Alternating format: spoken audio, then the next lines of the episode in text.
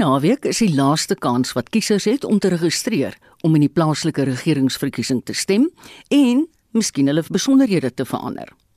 Meer as 1500 registrasiepunte sal reg oor die Wes-Kaap vandag en môre van 8:00 die oggend tot 5:00 die middag oop wees.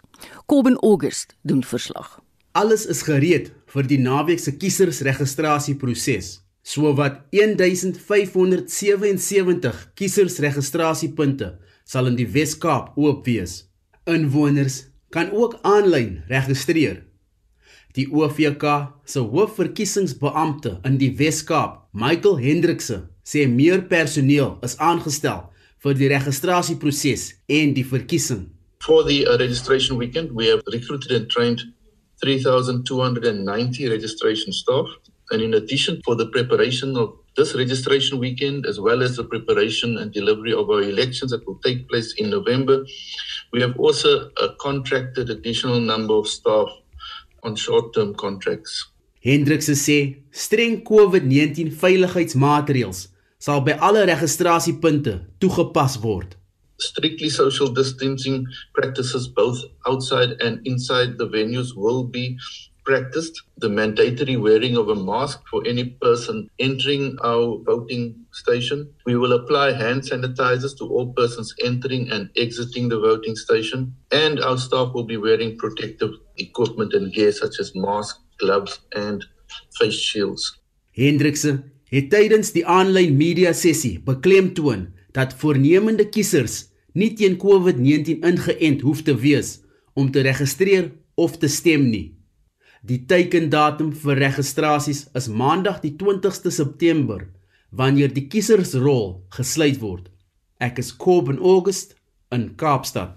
Ons bly by die onderwerp om uit te vind hoe dit sover gaan met die landwyse registrasieproses. Praat ons met 'n woordvoerder van die verkiesingskommissie, Granville Abrams. Hallo Granville.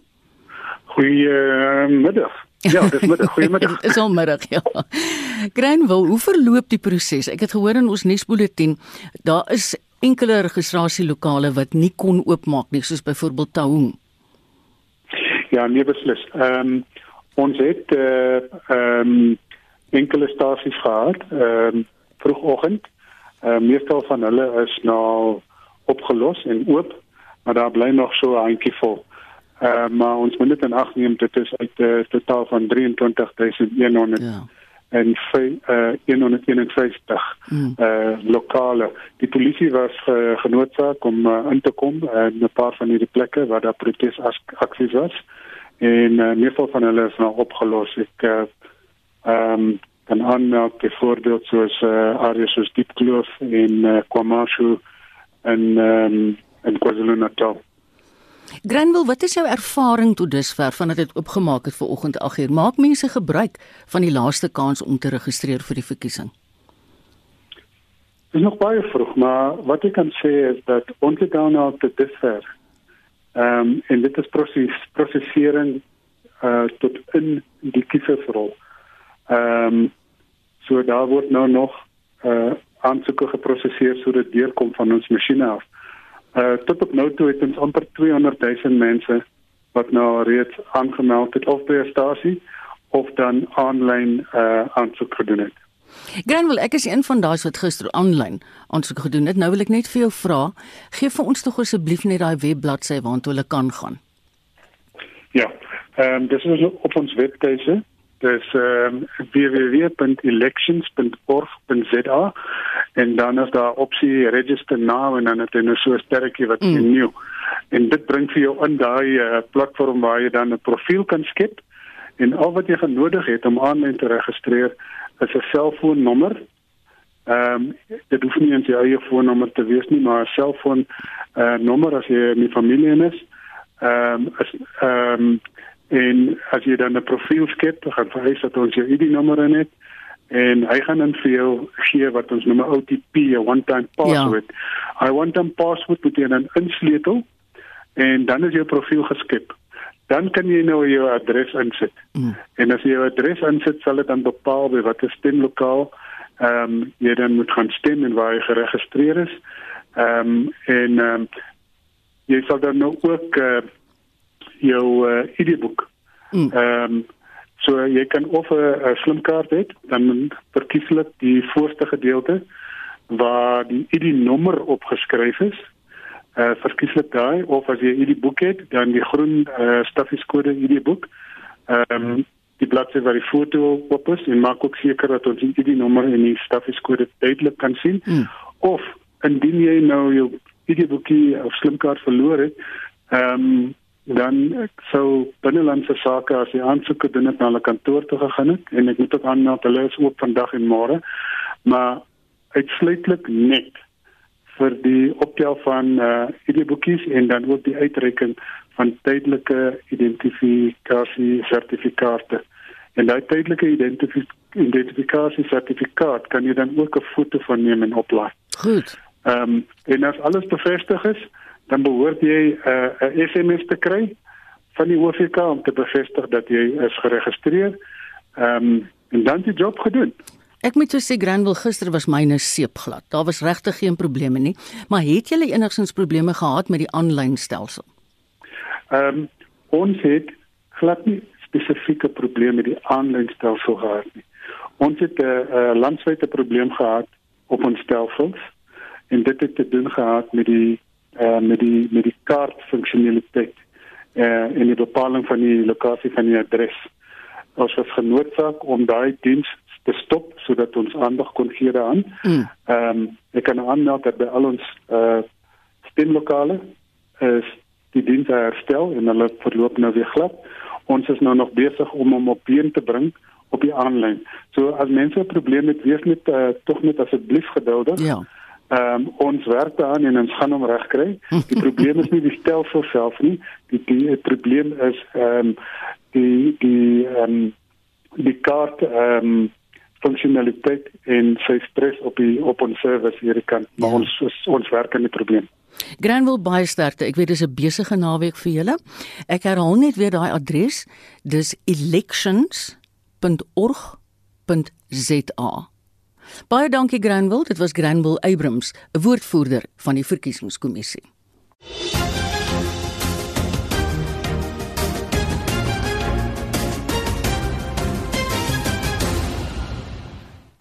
Burgerlike organisasies het met ontsteltenis gereageer op die hoë getal polisiebeamptes wat aangekla word van ernstige misdade soos verkrachting en marteling.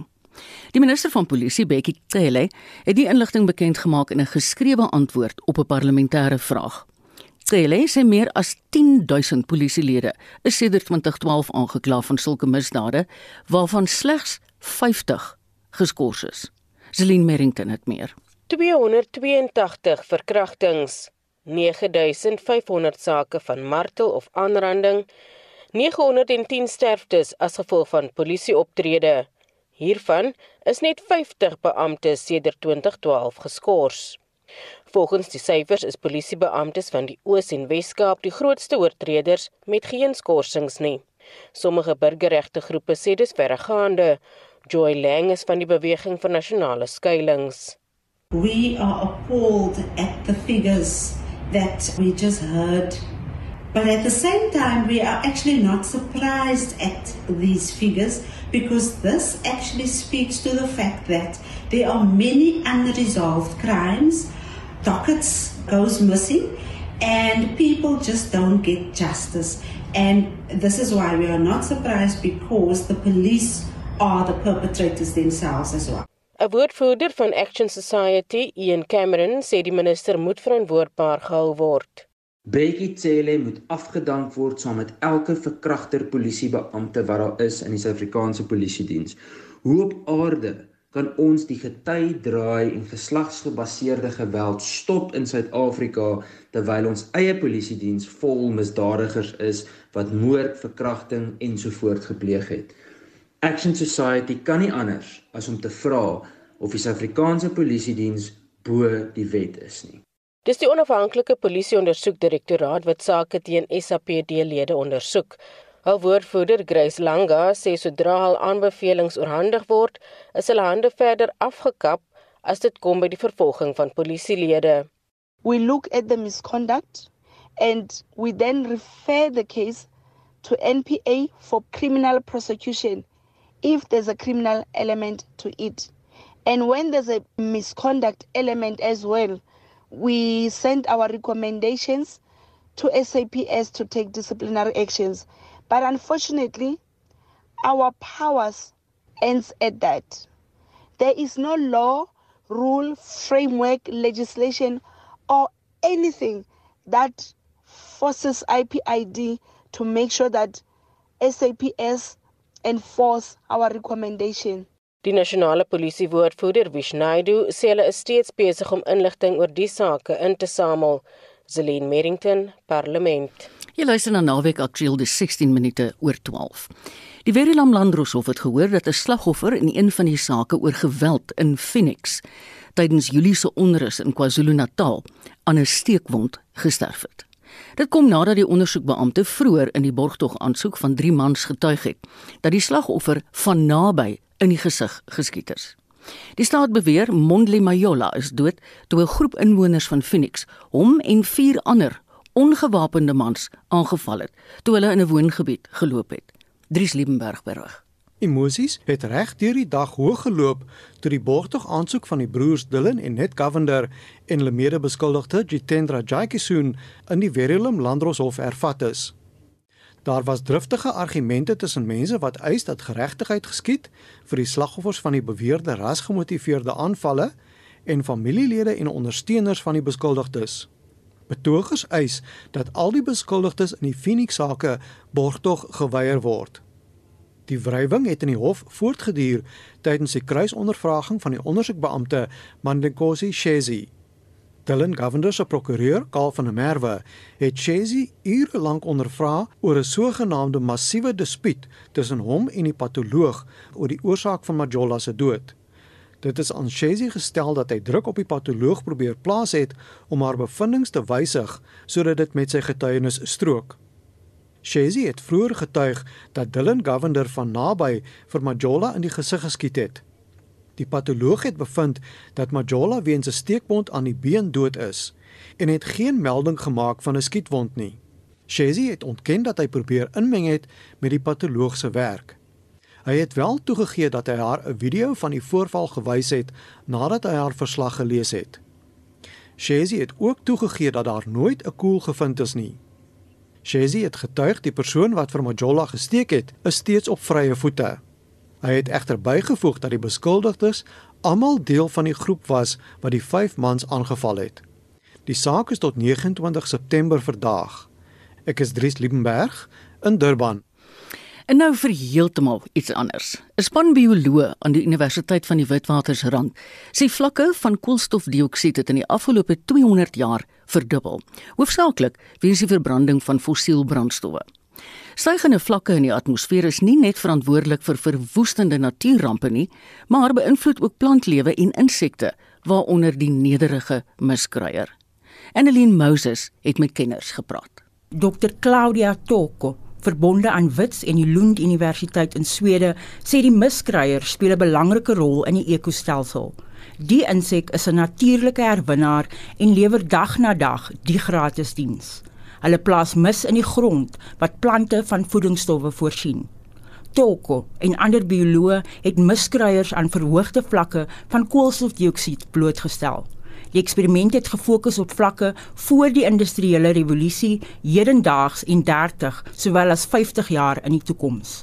My colleague was doing a study to see elevated CO2 on some plant. He works with a taxi. And sincerely, there was space there in the lab. Then we thought, why we don't put some dung beetles and see what's happened on them when the carbon dioxide increases. So we start in this way. Toko sê die resultate was verstommend. Die miskryers wat aan verhoogde vlakke van koolstofdioksied blootgestel is, het meer tyd nodig gehad om ten volle te ontwikkel en was kleiner in grootte. Dit beïnvloed hulle vermoë om die normale aantal mis te vervoer. And the body size is also an indicator of how well they can perform the ecosystem services. They are able, for example, to remove um, higher amounts of dung and take this dung and put inside the soil. So recycling waste in a more efficient way. So it's also linked to their ability to reproduce. They have more offspring. Wêreldwyd is daar 'n verskynsel wat wetenskaplikes die katastrofiese toekoms van insekte noem, maar die skerp afname in insekgetalle is 'n raaisel. Wits Universiteit se navorsing oor miskryers en verhoogde vlakke van koolstofdioksied kan help om die raaisel te ontsluit. Alle navorsing verskyn in die internasionale joernaal die Global Change Biology. Die senior outeur van die navorsingsstuk en Toko se postdoktorale raadgewer, professor Marcus Burn, sê die resultate van die navorsing oor miskryers was 'n pure gelukskoot soveel so dat hulle die eksperiment herhaal en tot dieselfde slotsom gekom het. It just so happened that Nick was growing cactus at elevated CO2. And we thought, why not? Let's put some dung beetles into the same chambers and see what happens to them. And what we found was a massively disturbing surprise.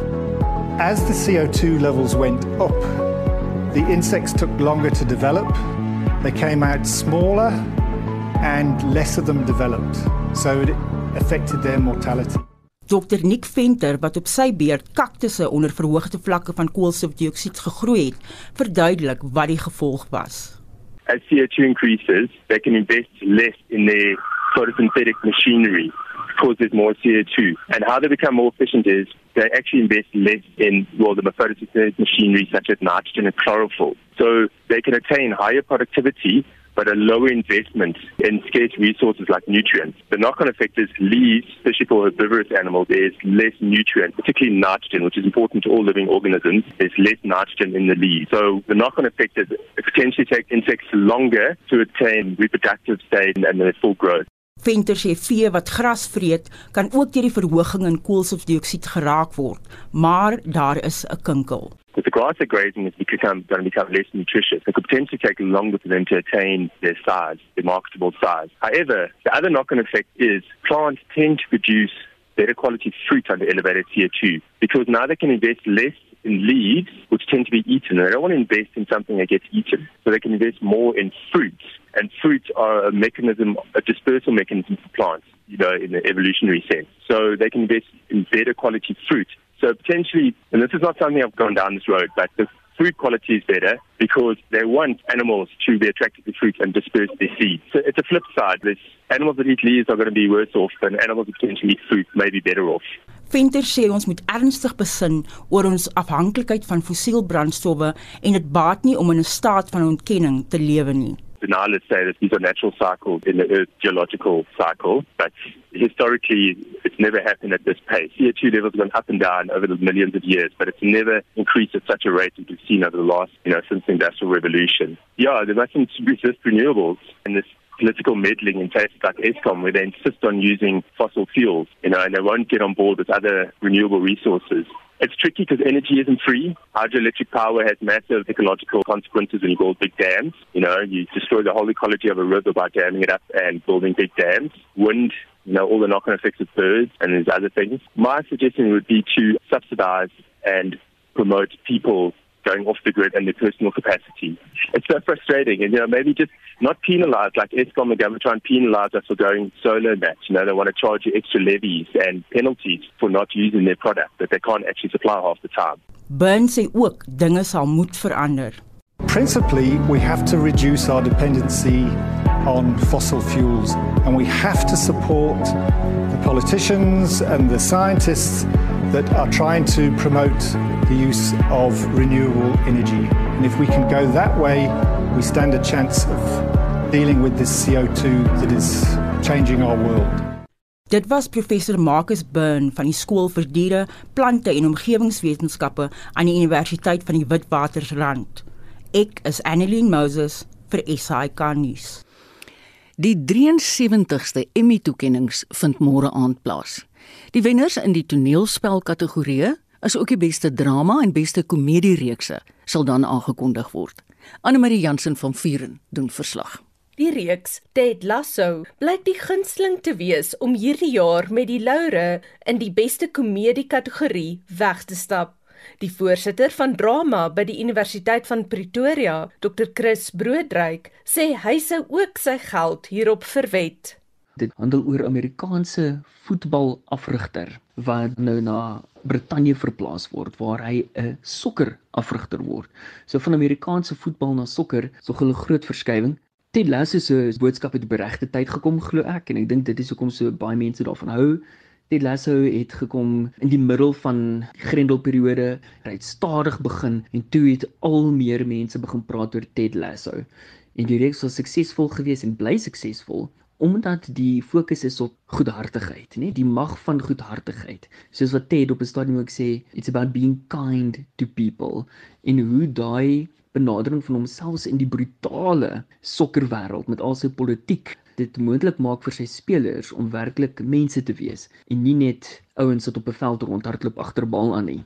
Ted Lasso het 20 Emmy benoemings gekry In die kreatiewe en tegniese kategorieë wat vroeër die week aangekondig is, het dit reeds met pryse weggestap vir redigering, klankmeng en die rolverdeling.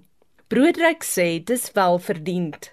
Jason Sudeikis verdien lof vir wat hy reg gekry het met hierdie reeks. Ted Lasso is verder noemenswaardig want dit is een van die groot titels wat op Apple teenwoordig is. En waar Ted Lasso vir Apple nou baie publisiteit kry en so is daar 'n ander reeks wat heel gewild is, Mythic Quest wat nou in sy tweede seisoen is, binnekort afskop met sy derde een wat dan nou eintlik deur die Emmys geïgnoreer is. En mense hoop dat dat diegene wat Ted Lasso kyk ook hulle pad sal vind op Apple se aanlyn platform na Mythic Quest. In die beste drama kategorie is daar 8 reekse wat benoem is, insluitend Pose, The Mandalorian en Lovecraft Country. Broodryk voorspel egter dat The Crown of The Handmaid's Tale hierdie kategorie sal wen. The Handmaid's Tale het die jaar 21 Emmy benoemings gekry. Die reeks het nou al selfs begin om van Margaret Atwood se The Testaments, die vervolg op The Handmaid's Tale, om elemente van daardie roman af te inkorporeer in die televisiereeks in. So The Handmaid's Tale bly broodnodige kykstof. Persoonlik kan ek nie een episode 'n week hanteer. Dit is andersins veel te swaar en selfs traumaties. Ere I saw a dappled wonder settling across the fields hovering on angel wings, brandishing a blazing shield. Amazon Prime se rolprent The Underground Railroad het 7 Emmy benoemings ontvang. Die regisseur van Moonlight en If Beale Street Could Talk, Barry Jenkins, het sy hart en siel in hierdie verwerking van Colson Whitehead se roman gesit. Where do they go? The ones that run away and never return.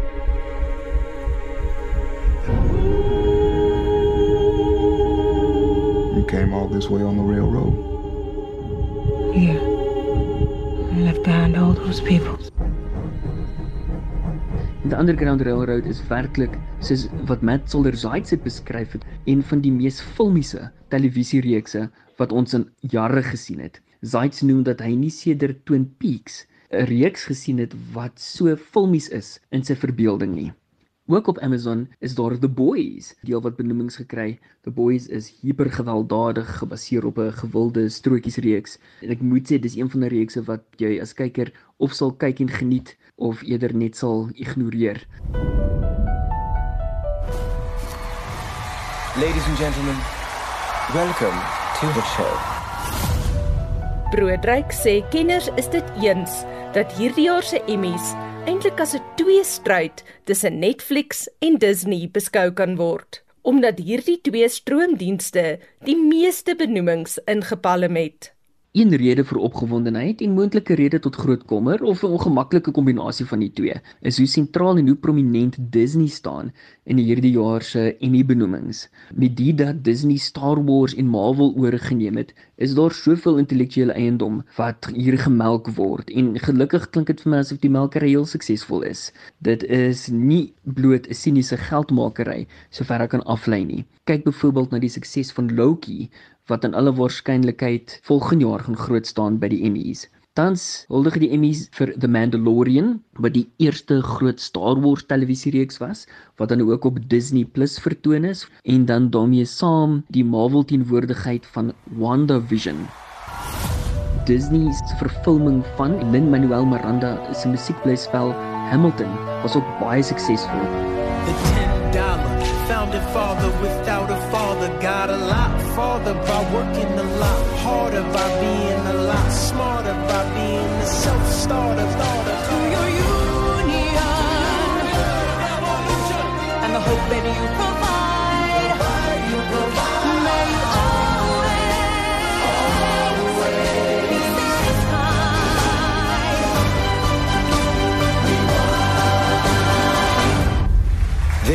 is Hamilton. En het ook 'n hele paar benoemings ingeoes tot so mate dat van die kritici in Amerika gefrons het oor presies hoeveel keer Hamilton gehuldig moet word en hoeveel toekenninge Hamilton eintlik moet kry. Dit was Dr Chris Broodryk, die voorsitter van die drama departement by die Universiteit van Pretoria, en ek is Anne Marie Jansen van Vuren vir SAK nuus.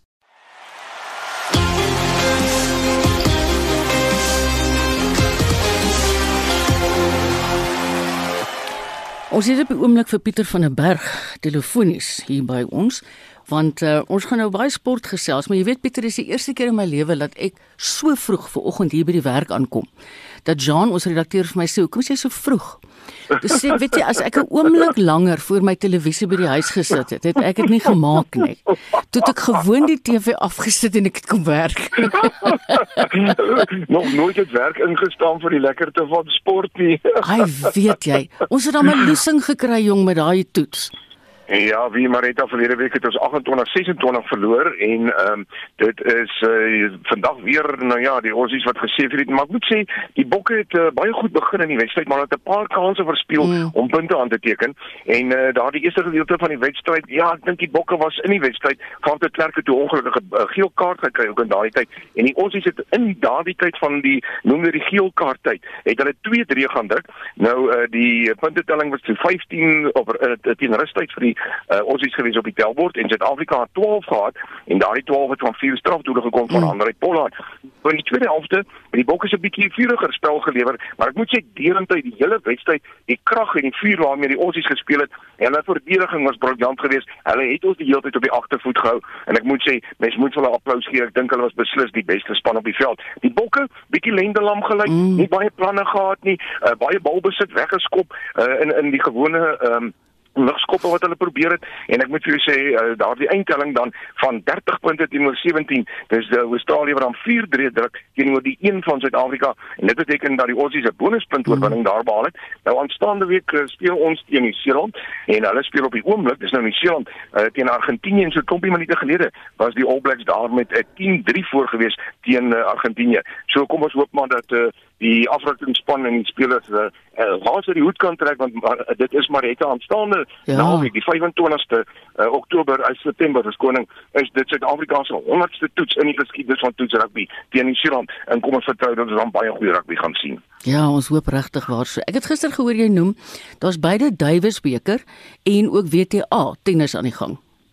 Ja, kom ons doen nou die uh, vroue toernooi. Nou uh, net voor dit beraad die uitslag kom, miskien jy noem die Davis Beker span kompetisie in Suid-Afrika wat 52ste op die wêreldranglys is.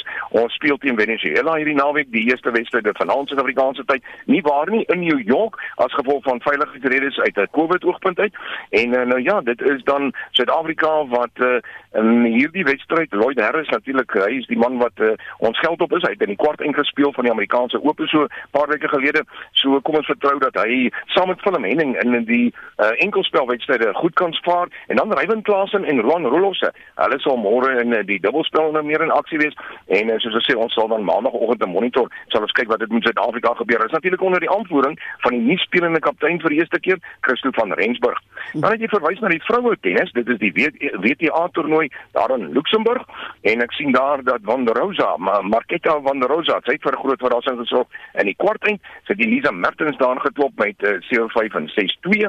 Ek sien ook uh, Belinda Bencic het pak gekry. Dit was uh, Samasonga wat daar geklop het daar in twee stelle. Dan ook 'n uh, oorwinning vir Clara Tausen oor Mari Bozakova en uh, dan in die vierde wedstryd daar Elena Ostompenko wat 'n uh, uh, pak gekry het. Dit is uh, Elsa Kornet wat daar gesê het. Nee, verskoning. Elena Ostompenko is dan ook deur na die halfyn toe. So dit is wat die uh, tennis nuus aanbetref. Hierdie naweek is die motorfietsse vir die MotoGP in San Marino. Kon jy vir ons die oefenrondes dophou? Ja, weet jy, hulle het natuurlik gister begin met die oefenrondes. Nou uh, dit is in die tweede oefensessie gister vir die MotoGP waar Johan Zarco die vinnigste was daar op sy Ducati. Francesco Bagnaia was tweede ook op 'n Ducati en in die derde plek ook 'n Ducati, die van Jack Miller. Nou Brad Binder van Suid-Afrika nie goed gevaar in daardie tweede oefensessie gister nie. Hy was net 20ste vinnigste. Dan in uh, Moto3 moet ek sê, 'n bietjie beter gegaan met Darren Binder. Hy het uh, gister daar in die tweede oefensessie het hy die 8ste vinnigste tyd opgestel. As ons kyk na die golfkalender, dan is daar toernooie in die FSA, Nederland en hierso by ons. Wat is die wat is die name bo in die voorlopersbord? Ja, kom ons begin hier in Suid-Afrika. Dis die Durban Buiteklub. Dis is die uh, Origins of Golf sogenaamde toernooi daar. Hulle is Adesina, verskoning Adesina da Silva is die voorloper daar op 500 syfers saam met Louis Albertse. Dit is uh, na tweede rondes wat daar afgehandel is. Ook die stryd om in die derde plek daar op 400 gewees en dan is daar vier spelers op 300 wat insluit Cee Du Plessis, Rikus Norke as ook uh, Dion Germenshuis, Keenan David se huis ook daar op 'n 300 syfer. Dan in Europa is dit die Nederlandse Ope wat uh, tans gespeel word. Christopher Broberg, hy is die alleen voorloper na twee rondes op 1200 gewees met twee spelers daar op 1100 is Thomas Detri en Marcus Hingelger. Dan uh, beweeg ons na Suid-Afrikaanse Justin Harding. Hy is op 800 syfer, so hy is dit vier houe agter die voorlopers en daardie derde ronde is ook reeds aan die gang. In die FSA is dit uh, die Fortinet Kampioenskap wat in Kalifornië afgehandel word. Nou op die oomblik uh, na twee rondes is daar een man wat twee houe voor is. Dit is Maverick McNeely. Hy is daar op 1200 syfer en dan sien ek dat Suid-Afrikaanse Dawie van der Walt, hy is 6 houe agter hom in die gesamentlike vierde plek op 600 syfer. Jy het gister baie trots geklink op die Suid-Afrikaanse vroue kriketspan. Vertel ons van hulle. Ja, wie daar was rede daarvoor gewees. Ja. Hulle loop 4-0 voor in daardie T20 reeks. Ehm um, verskoning die eendag reeks in dit is uh, natuurlik teen uh, die Windies. span daarvan ehm um, net gou vanaf loer uh verskoning ek het ja, die Windies, die Wes-Indiese eilande. Nou dit is baie interessant die vyfde wedstryd word môre gespeel, maar ek sê ons loop met 4-0 voor. So ons het selfs daardie vierde wedstryd met 39 lopies gewen en uitstekend Mindon de Pre wat daar 65 bygedra het en ons het 185 180 aangeteken teenoor die 150 vir 9 van die Windies. Nou uh, Marita soos jy sê, dit is dan teen die Windies, maar dan uh, nie goeie uh, nuus wat uh, nas internasionale kriket aanbetref wat uh, die uh, Pakistanis se reeks teen Nieu-Seeland mm -hmm. uh, wat geskeduleer was om gister te begin is gekanselleer die hele reeks. Jy sal dalk onthou in 2009 mm. was daar die busaanval met die mm. masjiengewere op die Sri Lankaanse span gewees in Pakistan en hulle het nou vir 12 jaar gestoei om alsweer reg te kry en kan jy glo die eerste toer wat nou sou plaas plaasvind is daarmee heen. Die Nieu-Seelanders is op die vliegtuig op terughuis op pad terug huis toe. So daardie reeks is van die baan. En dan gepraat van 'n manskriket. Ons moet ook dan net loer na uh, Suid-Afrika se manspan. Ons berei nou na tans voor vir die wêreld T20 reeks en dit begin uh, so in hier die 18 Oktober wanneer Suid-Afrika in die Verenigde Arabiese Emirate in aksie sal wees. Ja, dis baie slaaks dat daai kriketoer so laat gekanselleer het, né? Want ek meen, nou is al soveel moeite gedoen en soveel geld uitgegee. Ja, daar is sekerlik maar sekuriteitsredes wat die mm, wat die rede daarvoor is en dan moet ons aanvaar dat baie van die spelers is ook betrokke by die uh Premier Liga. Ja. Nou die Premier Liga begin natuurlik weer môre. Dis uh die Chennai Super Kings teen die Mumbai Indians en dit sal ook in Dubai gespeel word. Weereens uh, ek dink die die verskywing van Indië na Dubai was ook vir die Indiese Premier Liga goed geweest uit 'n veiligheidsoogpunt ja. en natuurlik ook wat COVID aanbetref. Ja, ja. Kom ons maar klaar met sokker. Is daar Premier Liga sokker aan die gang hierdie naweek?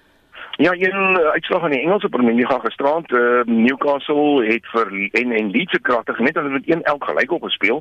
Vandag is daar 6 wedstryde. Dit sluit onder meer in Liverpool teen Crystal Palace, Man City teen Southampton en Aston Villa teen Everton. Nou hier op die plaaslike front 4 wedstryde. Ons gaan vanmiddag geslaag hoor van een Morris oor die wedstryd tussen uh, Chippa en uh, United en Pirates. Daar die wedstryd begin om 3 uur. Dan kyk jy aan City teen Stellenbosch, Baroka teen Sidikou en dan Kaizer Chiefs en Royal AM wat ook sal kragte meet en Jody Hendricks sal vanmiddag in sport van 3 tot 6 maar het al die inligting vir ons gee. Ag baie dankie Pieter, dit was Pieter van der Berg van RSG Sport. Nou kyk, wat is ons sportbydra as ons nie ook oor karre gesels nie. In ons weeklikse motorrubriek toets Wessel Pretorius 'n Ford bakkie.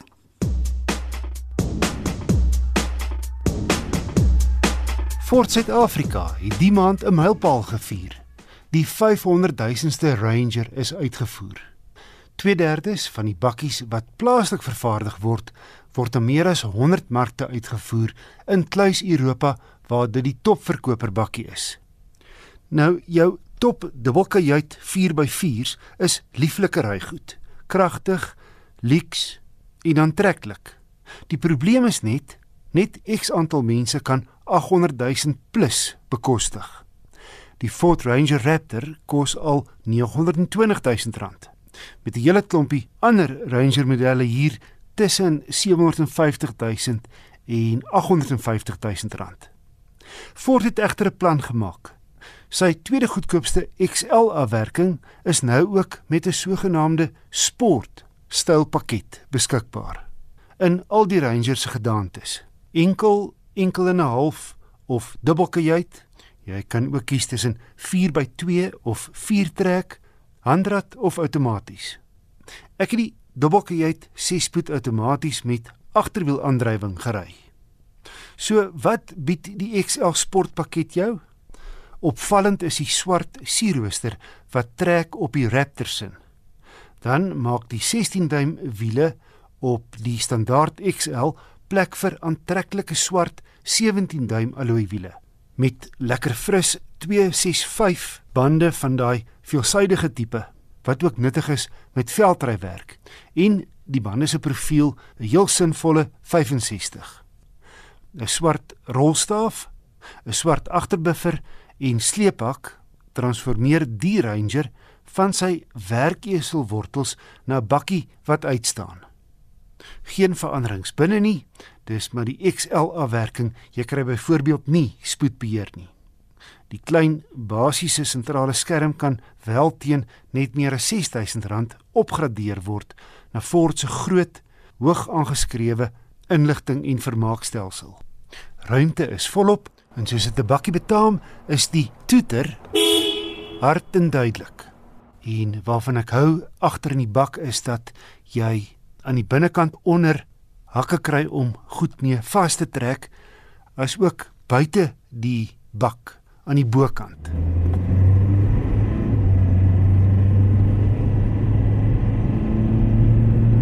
Daar's niks sportief aan die XL Sport se werkverrigting nie. Die 118 kW 2.2 turbo diesel lewer bloot voldoende krag danksy 'n stewige 385 Nm wrinkrag vanaf net 1500 toere. Verwag 'n dieselverbruik van so 9 liter per 100 km. Sy pens lê ordentlike 223 mm bo die grond. En sy agterste ewenaar sluit met die druk van 'n knop sou beter traksie verlang word. Die Ford Ranger XL Sport outomaties bied 'n spesiale Tavatini voorkoms teen R521600. Die XL Sport se swart kenmerke het netjies konstateer met die toetsmodel se liggrys metaalkleur. Na my mening is die XL Sport se R16500 meer as die gewone XL dubbel en dwars die moeite werd. 'n 6 jaar 90000 km diensplan is ingesluit as ook 3 jaar onbeperkte kilometer padbystand.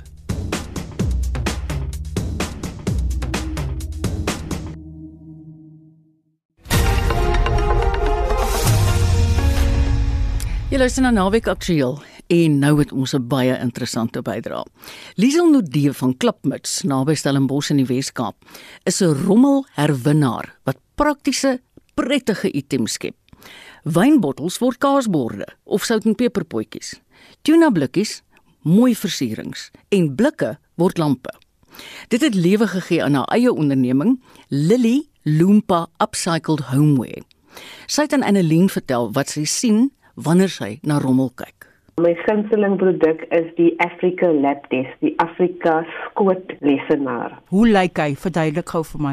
Ek en my gesin het gestap op die land waar ons woon, op die klein hoewe en het 'n stuk hout gelê en toe ek die hout sien, toe weet ek onmiddellik ek wil die Afrika kontinent wil ek uitsny en as aard op my muur hang. En toe het ek dit uitgesny en toe bly die negatief oor die stuk hout wat nou agterbly en ek kyk aan na en ek dink maar ek kan dit nog verder vat. Toe sny ek 'n raam uit en min te weet post ek op Afrika Dag 25 Mei myself met die raam en my social media begin gons. En langs toe die kort ek begin toe daai produk maak, maar die raam verkoop toe nou meer as die binneste Afrika of die negatiewe Afrika wat agtergebly het, die oorspronklike artwork. En ek het my kop nou gebreek en gedink, wat kan ek maak met die bord wat oorgebly het? En eendag toe sit ek met die bord op my skoot en toe sien ek maar die Afrika se shape pas perfek om my lyf. En dit is waar ek die idee gekry het om dit in 'n koodlesenaar of 'n lapdesk te maak. So hy is basies die bord waarop jou laptop rus is in die vorm van die Afrika kontinent. En dan het ek pote aan die onderkant en die nice ding is hy kan opgevou word. En hy is heeltemal draagbaar so jy kan hom op en af dra en as hy klaar is kan hy op die muur gehang word.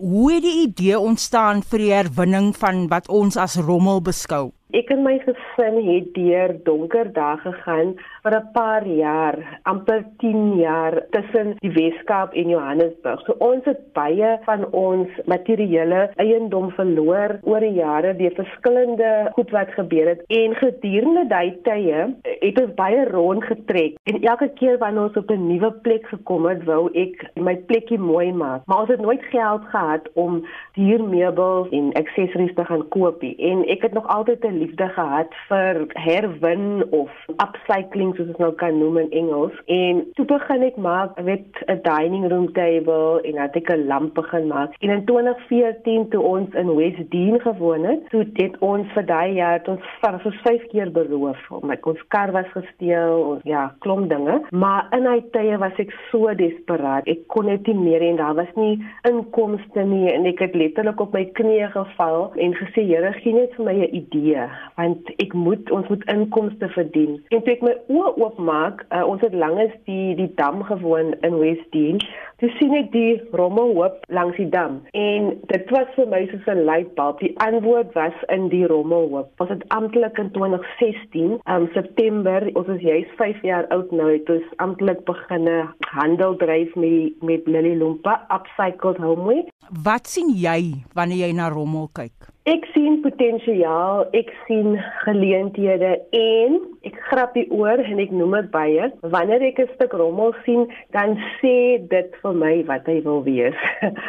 Soos ek genoem het, ek glo 'n gawe wat ek gekry het. Ons het 'n bakkie op 'n tyd gehad in Johannesburg. Ek was vernaamd om net vinnig brieke te trap en te stop as ek iets langs die pad sien en ek spring uit en dan hoor die mense agter my, maar ek moet hy stuk rommel wat ek nou sien, moet ek nou in die bakkie lê want iewers wanneer ek tyd gaan hê, gaan ek iets daarmee maak. En ek sien antwoorde vir inkomste vir mense, vir gemeenskappe wat in armoede ge, geval is. En daar's soveel geleenthede wat ek sien. And I always say in in, in Engels noem ek dit altyd it's a a mountain of an unearthed mountain. En ek het groot planne of ons het groot planne om ons gemeenskap eerstens positief aan te raak deur sentrum op te sit waar die gemeenskap vir ons bruikbare rommel kan bring. En dan swaai ons om om 'n produk wat weer verkoop kan word. En so kan hulle ook 'n inkomste verdien Waar kom jou kreatiwiteit vandaan? Wat inspireer jou? Um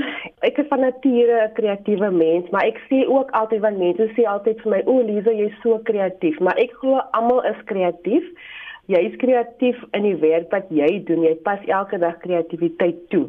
Maar in my geval is dit omdat iemand iets fisies sien wat ek gedoen het, nou voel hulle ek is meer kreatief. Ek word geïnspireer totaal deur die natuur. En ek glo dat God is vir my is hy natuurlik die beste kreatiefste skepper ooit en wanneer ek soggens my dag begin dan sit en bid ek en ek maak die vensters en die gordyne oop en dan kyk ek buitentoe en ek sien hoe die seisoene verander ek sien hoe dieselfde voeltjies my elke oggend kom môre sê en daai tipe goeders inspireer my want ek weet binne in my is die ability om te kan skep.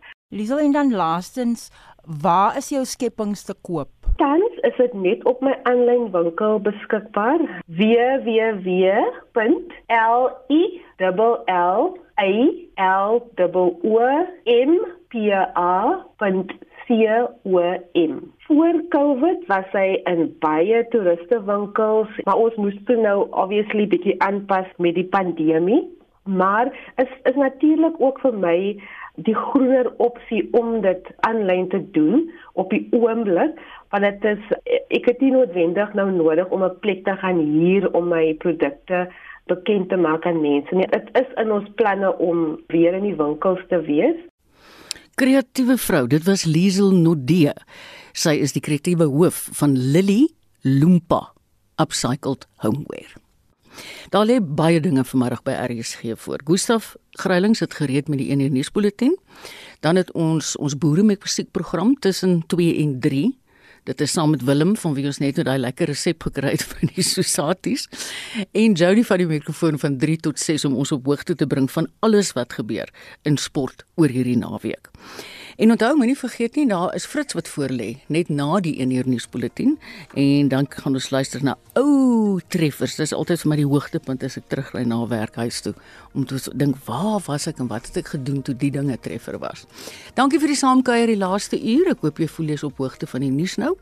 Ek groet namens die uitvoerende regisseur van Monitor Spectrum naweek aktueel en kommentaar wat môre aand aan die beurt kom saam met Heinrich Nicoline de Wee. Die redakteur vandag is Jean Estreisen en die produksieregisseur is Daitrin Godfrey. Ek sê dankie vir die twee manne. Was dit nie vir hulle nie, was niemand van ons op die lig vandag nie. Geniet die res van jou middag saam met RSG en natuurlik sommer jou hele naweek. En tot 'n volgende keer. Groete.